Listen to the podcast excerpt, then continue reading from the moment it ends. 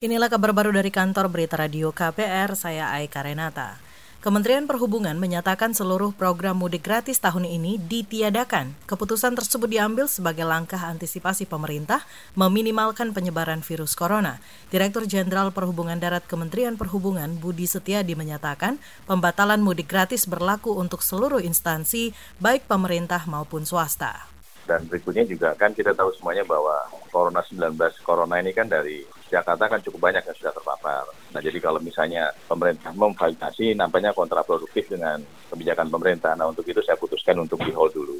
Dirjen Perhubungan Darat Kementerian Perhubungan Budi Setiadi menyebut nantinya Kementerian Perhubungan akan mengeluarkan surat edaran terkait larangan program mudik gratis ini.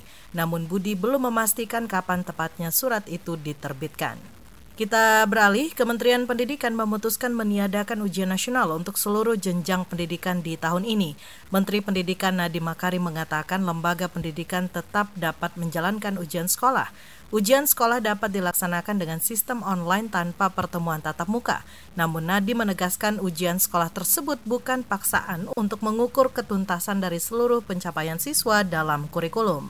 Ujian sekolah tersebut tidak kami paksa untuk mengukur ketuntasan seluruh capaian kurikulum bahkan sampai semester terakhir.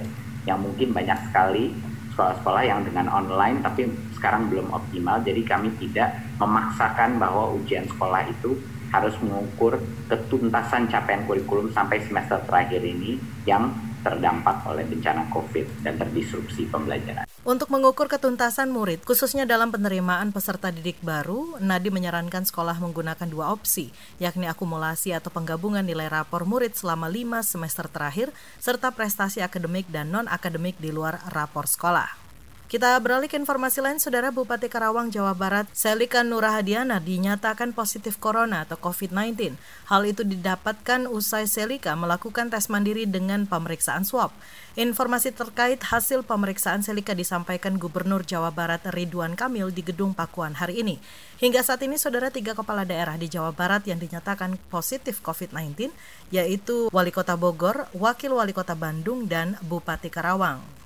Kita beralih ke Papua, Saudara pemerintah Provinsi Papua membutuhkan 5.000 alat pelindung diri atau APD untuk tim medis yang bertugas menangani COVID-19. Juru bicara Satgas Penanganan COVID-19 Provinsi Papua, Silwanus Sumule menyatakan hingga saat ini stok alat pelindung diri di Papua hanya ada puluhan unit.